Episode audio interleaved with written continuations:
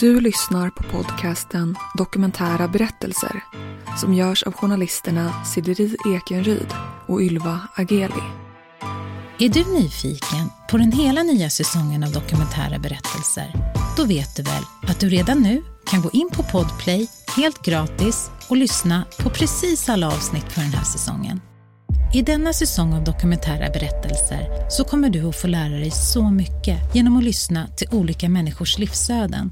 Du kommer bland annat att få höra om hur det är att leva med sexmissbruk, mormonerna, schizofreni och sömnparalys samt att vi undersöker om det finns utomjordingar och om vårt medvetande överlever döden eller inte. Och mycket, mycket mer. Gå in på Podplay och lyssna på hela säsongen redan idag. Helt gratis.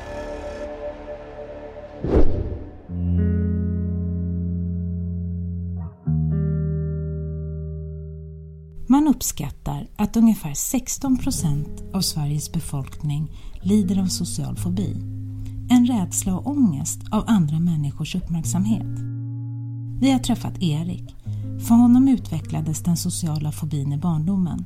Att eh, den här in, ensamheten och att man är så otroligt rädd för vad andra ska tänka, att man känner sig iakttagen dygnet runt. Så fort man är utanför sin egen dörr så är, dömer omvärlden en. Vi pratar också med Thomas Furmark, professor i psykologi, om vad social fobi beror på. Han är även författare till boken Social fobi, effektiv hjälp med kognitiv beteendeterapi. Sannolikt så är det ett samspel då mellan arv och miljö. Det finns en ganska påtaglig ärftlig komponent. Jag var väldigt blyg och väldigt folkskygg av mig. Jag kommer ihåg att jag eh, var rädd för nya människor för jag stammade jättemycket när jag var liten. Och varje gång som jag fastnade på en bokstav när det blev liksom j, j, j, så kunde jag se i folks ögon hur de tappade tålamodet och de visste inte hur de skulle reagera. Och eh, det blev jättejobbigt för jag kände mig så mycket i vägen för det här och skämdes väldigt mycket för de visste inte vad de skulle göra och blev nervösa och sådär. Så, så jag lärde mig tidigt att det, det är bättre att jag bara är, är tyst. Och inte försöker säga någonting istället för att jag försöker säga och sen fastnar jag på en bokstav och ah, det blir jobbigt för alla. Så, så det kommer jag ihåg väldigt mycket så tydligt som barn då att jag, jag undviker många situationer för att, för att inte vara i vägen.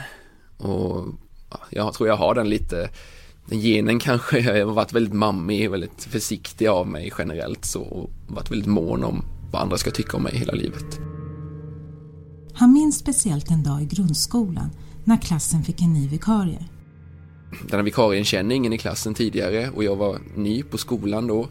Och eh, vi skulle presentera oss inför hela klassen. Och jag kunde inte säga mitt eget namn. Så när det var min tur att, att prata så, så är jag så nervös inför det här, jag har tänkt på det så länge eh, medan de andra säger sina namn att jag fastnar bara på en bokstav och får inte ut någonting och känner liksom hur en efter en efter en vänder sig om och kollar på mig. Och så är det en kille som reser sig upp som visade sig vara klassens mobbare sen då att han reser sig upp och så skrattar han åt mig. Kan du inte säga ditt eget namn? Och, och när de orden liksom träffar mig, när jag, jag skäms så otroligt mycket just då, så får man höra det här. Någon skrattar rakt i ansiktet och då var jag tvungen att bara springa ut ur klassrummet och gömma mig på toaletten. Och det var det som blev ett, ett mönster i mitt liv, att jag, jag sprang dit när jag inte klarade av den här känslan längre. Eh, likadant några veckor senare då, eh, när jag fortfarande var ny i skolan så skulle vi ha högläsning i klassen och eh, jag tror jättemånga känner igen sig där liksom när man sitter och läser högt några rader inför hela klassen.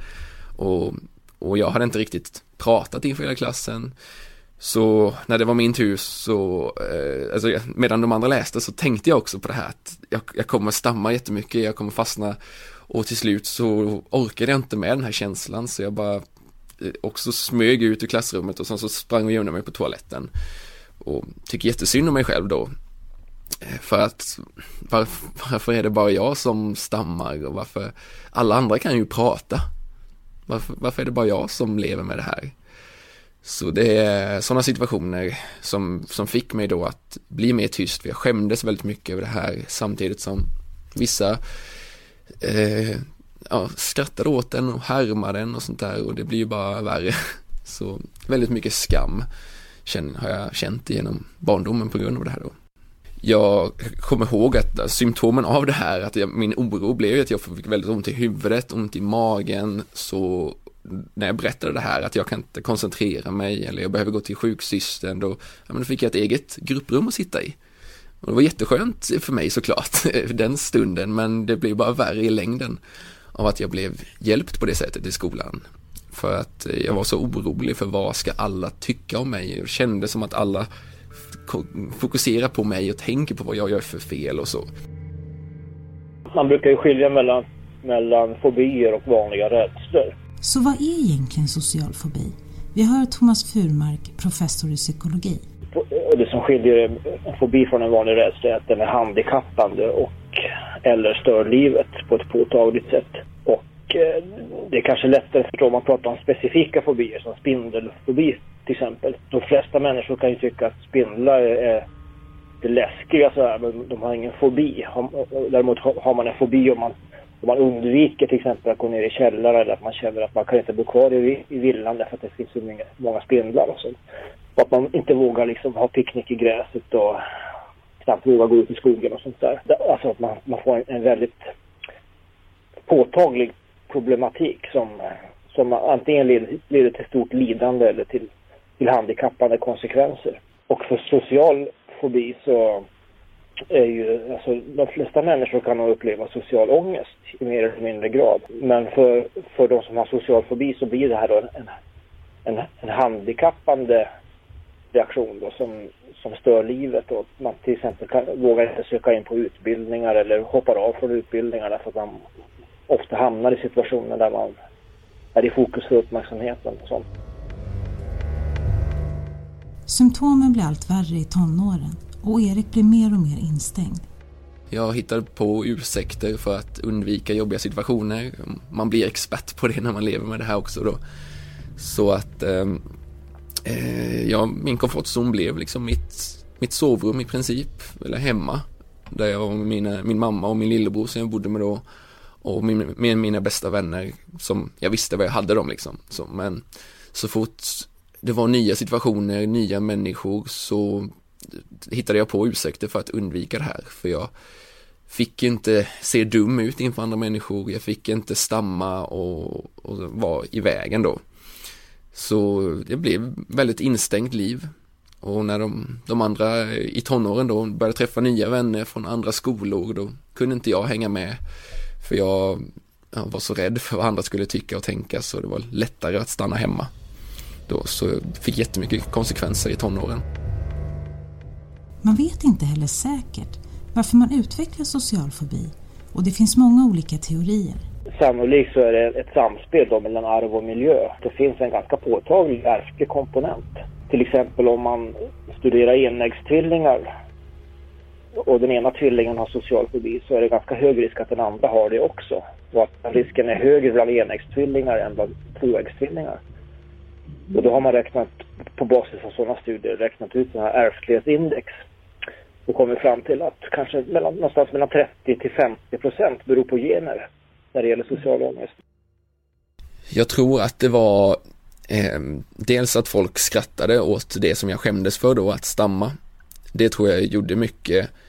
Sen har jag väl, eh, jag tror det var mina, mina föräldrar separerade där precis innan jag började den här nya skolan och jag tror att jag blev väldigt känslig i just den situationen.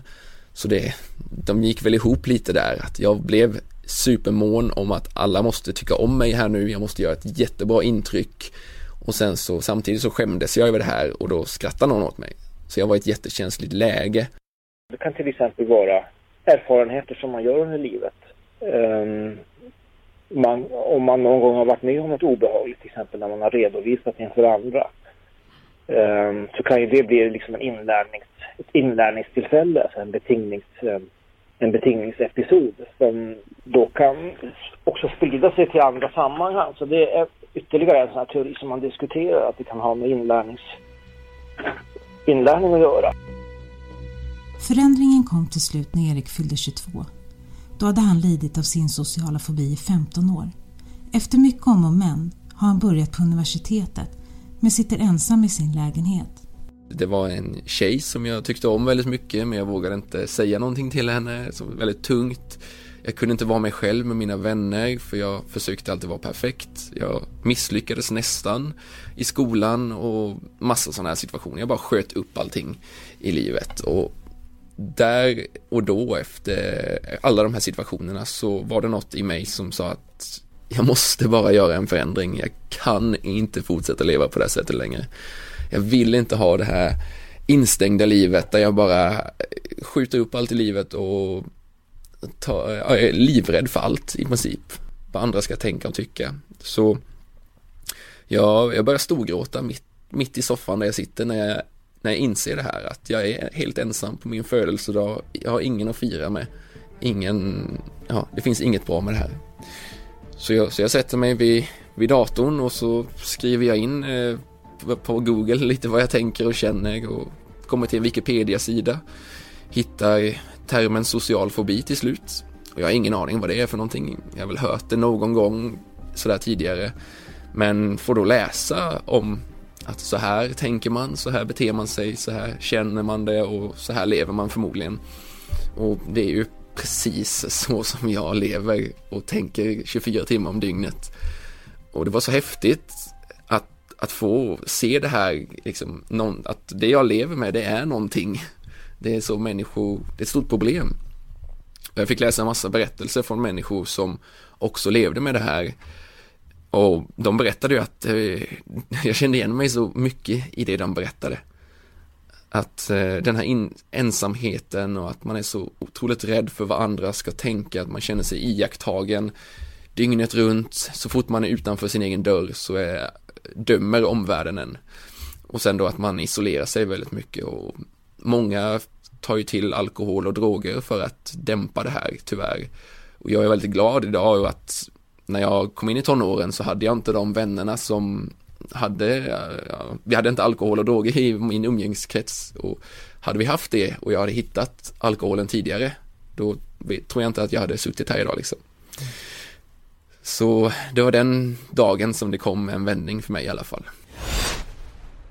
Med Hedvigs hemförsäkring är du skyddad från golv till tak oavsett om det gäller större skador eller mindre olyckor. Digital försäkring med personlig service, smidig hjälp och alltid utan bindningstid. Skaffa Hedvig så hjälper vi dig att säga upp din gamla försäkring. Hedvig Hemförsäkring, ett klick bort. Han är osäker på var han ska vända sig för att söka hjälp. Och tanken på att plocka upp telefonen för att ringa en vårdcentral gör honom livrädd. Men jag blev besatt i alla fall av termen social fobi. Letade efter allt möjligt, men jag kunde läsa om det här hittade en, eh, en bok som heter just Social fobi som är illgul. Den är skriven av lite, några professorer och forskare här i Sverige och fick i den här boken ett, ett självhjälpsprogram som jag skulle följa. Och det första jag skulle göra var att skriva ner alla mina rädslor på papper för att få det få ner, nedskrivet och inte ha det i huvudet. Och sen skulle jag rangordna de här rädslorna, vilken är värst, vilken är lite lättare men hel, en, fortfarande helt omöjlig för mig att göra. Och hela vägen ner till vilken är jobbig men jag kan fortfarande göra det här. Och längst ner där jag skulle börja, det var bara att när jag var ute och gick på trottoaren så skulle jag kolla upp och kolla folk i ögonen. För jag hade alltid bara kollat ner i marken eller ner i telefonen för att undvika allas blickar. För att jag tänkte att alla kollar på mig, de dömer mig, de kollar på vad jag har för kläder, vad jag har för hållning, min gångstil, vad jag har, hur jag ser ut i ansiktet. Hela tiden är jag i fokus. Och då vill man inte, man vill inte möta de blickarna som är så hemska. Så det var min utmaning att bara kolla folk i ögonen. Och när jag gjorde det här, jag gick utanför dörren och kollade dem, försökte kolla de tre första i ögonen så märkte jag att ingen kollar på mig. Ingen bryr sig om vad jag gör eller vem jag är. Jag är inte i fokus. Så. Och när man har haft den världsbilden i många år så är det väldigt jobbigt när den inte stämmer. Så från början så var det bara, men kolla på mig nu då, jag har, jag har tänkt det här i så många år. Men sen också efter ett tag så släpper det där och sen inser man att det kanske inte är så farligt. Och det var då jag kunde börja göra utmaningarna för mig själv och klättra på den här stegen som jag hade byggt upp för mig själv med hjälp av den här boken då. Så då började jag att, från att kolla folk i ögonen, så lägga till ett leende, eh, le mot någon, se, får jag ett leende tillbaka, säga hej till en annan människa, se, får jag ett hej tillbaka och sen bara fortsätta gå. Man behöver inte stanna och prata med någon. Sen gick jag in i butiker och frågade efter hjälp, något som jag inte hade gjort på flera år innan. Jag hade bara, ja, hittade jag det inte förut, då fanns det inte liksom. Eh, men att fråga efter hjälp och se, skrattar de i ansik mig i ansiktet som jag har inbillat mig eller kommer de bara säga nej tyvärr den finns inte här, den varan. Och det var ju så det var också, ingen skrattade någonsin åt mig. Så det är jag väldigt stolt över idag att jag faktiskt tog de här stegen. Och jag tror det där beslutet den där dagen på min födelsedag att jag måste göra en förändring. Det var otroligt viktigt för mig. Mm. Det handlade inte om att jag, jag önskar att jag gjorde en förändring. Då tror jag inte något hade hänt. Utan det var att jag måste verkligen förändra mitt liv. Det var därför jag tror att jag har lyckats ta mig ur det här idag. För att jag hade den grundmotivationen att jag, jag blev liksom äcklad av mitt gamla liv, den här ensamheten. Jag, jag, det fanns bara en väg framåt att gå och det var att möta mina rädslor som jag då fick lära mig genom att läsa böcker om det här ämnet. Erik tar sig alltså ur sin fobi helt själv genom att använda sig av KBT-tekniker. Vi undrar vad det annars finns för hjälp att få. Thomas Furmark igen. De två behandlingsmetoder som, som eh, har bäst evidens då, det är dels läkemedel med, och då är det oftast då, eh, antidepressiva läkemedel, så kallade SSRI-preparat, som har, som har eh, visad effekt, åtminstone på kort sikt. Och så finns det då psykologisk behandling och där är den, bäst, den, som, den metod som har den, bästa evidensen är ju då KBT. Va? Erik får snabbt upp självförtroendet och vågar möta sina rädslor. På ett par månader har han kommit långt i sin egen utveckling. Det läskigaste han kunde tänka sig var att hålla en föreläsning för okända människor. Det var där som, det, alltså, det fanns inte ens i mitt eget alltså, liv, det skulle aldrig gå. Och, och, det tog ett tag att komma dit. Ehm, men sen två och ett halvt år tror jag det tog innan jag faktiskt tog mig an den utmaningen. Då hade jag börjat lyssna på mycket människor som inspirerade mig i podcasts, eh, ljudböcker och TED-talks och allt möjligt på YouTube. Som jag, jag kunde gå i flera timmar med ljudböcker i öronen bara för sådana här självhjälpsgurus och sånt som, som pushade mig. Det var de som fick mig att, att utmana mig ännu mer. Så jag märkte ju att alla de i princip, mina förebilder då, är föreläsare. Så jag vill också bli lite som dem på något sätt. Eh, och jag läste om eh, kost och träning på universitetet vid den här tiden och ville då använda de kunskaperna jag läste i skolan för att hjälpa mina vänner att bli mer hälsosamma. Så jag började hålla föreläsningar om kost och träning, var jättenervös inför det här. På min första föreläsning så kom det två personer och lyssnade på mig och det var mina bästa vänner som jag tror kom dit bara för att stötta mig sådär. Eh, men sen så spred det sig, jag pratade med personer som jag visste ville bli, få med bättre träningsvanor och äta bättre och lockade dit dem och sen så fick jag massa träning genom att hålla det här varje vecka och hålla i det. Jag kunde gett upp det första dagen att nej, det här gick inte för mig. Men jag fortsatte att utmana mig själv. Så det tror jag har gjort väldigt mycket för mig. Idag driver Erik Ångeskolan, en kunskapsportal om psykisk ohälsa och han föreläser om sin egen historia. Så jag bokar en föreläsningssal och bjuder in vänner som får komma på den här då och berättar om det här, mina svårigheter i livet och vad jag har gått igenom och sånt. Och efteråt så var det så många som kände igen sig i både den sociala fobin men också väldigt mycket det här med hemligheten.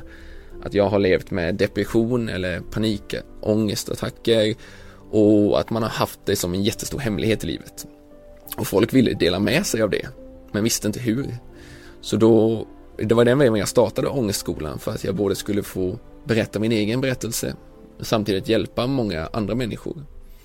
Och sen så den andra delen så gör jag mycket filmer på Facebook och det kommer ifrån att jag har läst massa tunga böcker på det här ämnet och tyckte att folk ska inte heller, ska, de ska inte behöva göra det. För jag vet att när man är som mest sjuk så orkar man inte söka hjälp aktivt. Och då ska man bara få ha någon jättelätt film och kan kolla på den och få den i sitt Facebook-flöde då som jag har gjort. Man ska inte behöva gå in på psykologiguiden eller 1177 och söka det här för man orkar inte. Och då är det så lätt att bara kunna ha en film som man får eh, automatiskt i, framför sig och bara kunna kolla på den. Så, så det, det var där ångestskolan startade. Men har du några eh, liksom stänk kvar idag? Och vad kan det, hur kan det yttra sig i så fall?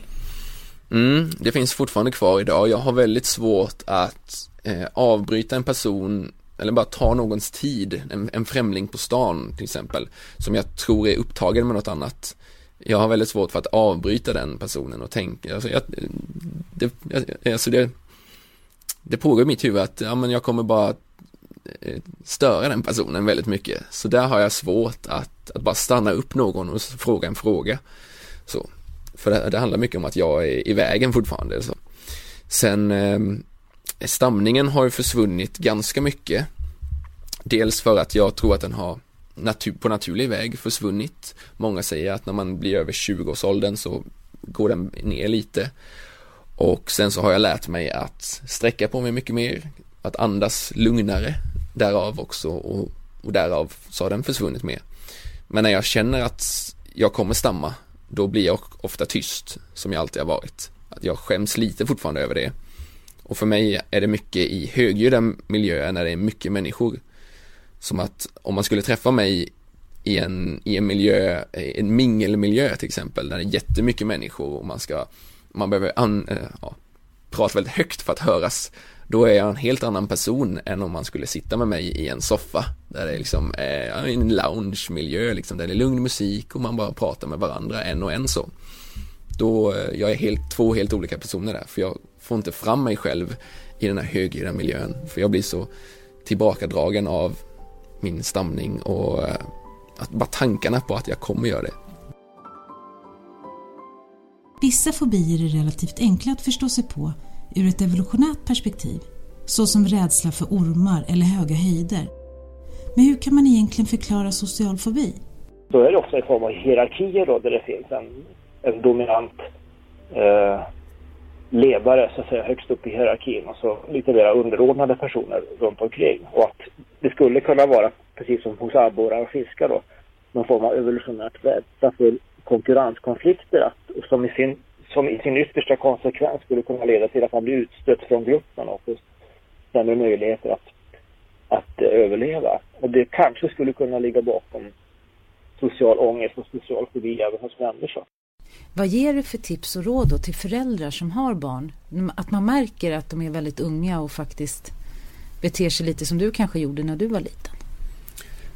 Det första steget är nog att lära sig mer om det. Det är någonting jag alltid, ja, att få mer kunskap om det, vad det än handlar om egentligen. Att man läser på och för jag tror att oavsett om man vet, ja men jag, det här ämnet har jag koll på, så är det säkert så att man inte alls har det. Eh, så det skulle jag väl ge som första tips, att man faktiskt sätter sig ner och tar tiden och läsa på om de här vanliga beteendena, vad vanliga tankar är så man kan relatera på ett helt annat sätt. För ofta känner man, om man lever med det här så känner man sig väldigt utanför, exkluderad, för man klarar inte av de här enklaste sakerna som för någon annan är vardagsmat. Men för, för en person kan det vara det största problemet att bara gå på en buss men då att man kan som förälder relatera och veta hur tankarna går i framtiden och så kan man hjälpa mycket mer på det sättet. Och samt även vara en så positiv stöttande person som man bara kan och aldrig eh, aldrig skämta om att eh, ja, på något sätt eller göra det jobbigt så att man bara är där för att stötta så mycket som möjligt och kanske ta det där samtalet till en professionell hjälp också. För den som lider av social fobi just nu är Eriks råd att läsa på om ämnet för att förstå sig själv bättre. Hade jag inte läst de här böckerna och förstått hur jag fungerar så tror jag inte att jag hade lyckats så bra. Men på grund av att jag gjorde det tog tiden att förstå hur jag tänker, hur jag beter mig i vissa situationer så kunde jag bryta den här autopiloten som jag gick på hela tiden för att så fort jag kände nu är det oroligt här då har jag vissa beteenden och vissa tankemönster som, som spär på dem. Men istället så kunde jag när jag läste då om det här så kunde jag märka att okej, okay, men nu är det precis som det här som jag läste ju. Ja, men nu skulle jag, nu ska jag, måste jag bryta det här genom att ändra mitt kroppsbeteende eller bryta, säga stopp.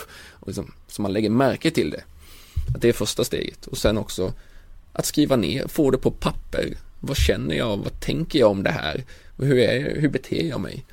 Så att man slipper ha allting i huvudet hela tiden.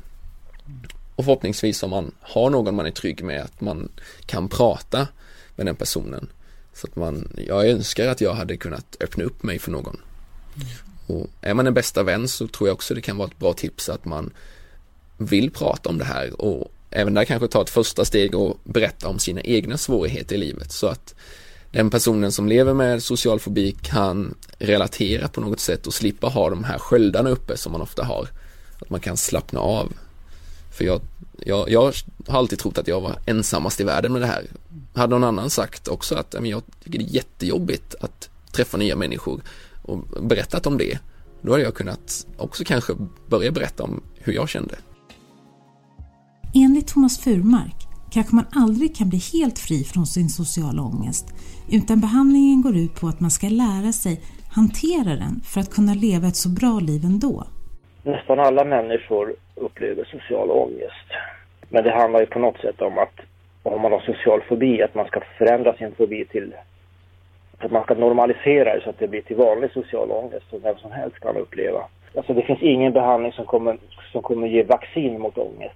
och det är inte realistiskt att, att tro att man ska bli av med, med alla former av, av ångest och social ångest efter en behandling. Vad man kan hoppas att man kan uppnå är ju att man ska få ehm, ehm, um, um, minska fler ångestnivåerna och, och få personer att sluta undvika och våga, våga göra saker som man inte har vågat göra tidigare att ångesten inte ska få så handikappade konsekvenser för en längre. Så att man, att man känner att man kan göra det man vill göra och leva så som man skulle vilja leva. Erik vände sig till vårdcentralen först när han redan kommit långt på sin egen resa och startat upp Ångestskolan. Och, och ringde då för att jag det var lite som låg nagde längst bak i huvudet som jag ville bli av med och samtidigt ville jag förstå mig själv mer. Jag ville stå processen att gå till en psykolog och ringde då och berättade att jag har levt med det här i 15 år och jag tänkte att hon som svarade i telefon hon skulle bara säga Va? Varför har du inte ringt tidigare? Men hon berättade bara att det är snittet ungefär på när någon söker hjälp för detta. Att människor går i till och med ibland över 30 år innan man faktiskt inser den där som jag fick som 22-åring. Jag är väldigt glad över att det kom så tidigt. Att det är då folk inser att nu, nu måste jag göra en förändring. Jag kan inte, man lever med hemma fortfarande kanske, man har inte träffat någon alls, man har inga vänner. Man är den där stereotypen av någon som lever hemma i mammas eh, källare. Och att, att få höra det hela tiden, det blir bara värre, jobbigare såklart. Att få höra att man är den där personen helt instängda som bara sitter framför datorn och, och sådär. Man skäms jättemycket över det. Och, men det är liksom 15-20 år innan man faktiskt tar hjälp. Mm. Men jag, ja, jag sökte dit, fick träffa en läkare och sen en psykolog då. Men det var lite över två månader fick jag vänta innan jag faktiskt fick hjälp. Och när jag berättar det på mina föreläsningar så är det folk säger ja, du hade tur. liksom, som bara fick vänta två månader. Vissa, jag träffade en häromdagen, hon hade fått vänta ett och ett halvt år innan hon fick alltså, hjälpen hon behövde. Och hon hade jättestora problem fortfarande med det här. Så eh, det är jättestort problem att, att man, den här väntetiden och att få rätt hjälp. Så, men jag, jag fick till slut gå till en psykolog och gå hos eh, ja, tio tillfällen där i kognitiv beteendeterapi och är jätteglad att jag gjorde det och kan verkligen rekommendera alla som tänker på det. Jag önskar att jag gjorde det tidigare men det var så många hinder i vägen att jag inte gjorde det. Jag hoppas ju att min historia kan ge det hoppet att man kan bli fri från det här. Och det är jag ju jättestolt idag över att jag faktiskt har lyckats göra det här och kan vara en, en ljusstrimma för någon kanske. Att, eh, att ta det här steget.